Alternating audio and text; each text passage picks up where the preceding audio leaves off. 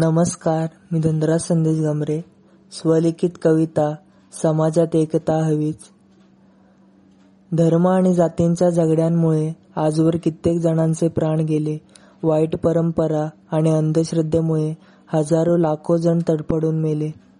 अजून किती निर्दोष लोकांचे प्राण जातील माहीत नाही मला पण समाजात एकता हवीच हा विचार डोक्यात घेऊन चला. आज एकत्र सर्वांनी येऊन धर्म आणि जातींची बंधने तोडूया.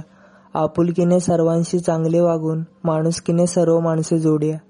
महापुरुषांचे विचार खरे होताना रोज दिसतील सर्व माणसांना एकतेत किती ताकद असते याचा प्रत्यय येईल प्रत्यक्ष पाहताना.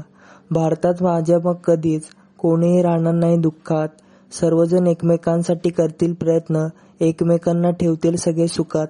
धन्यवाद.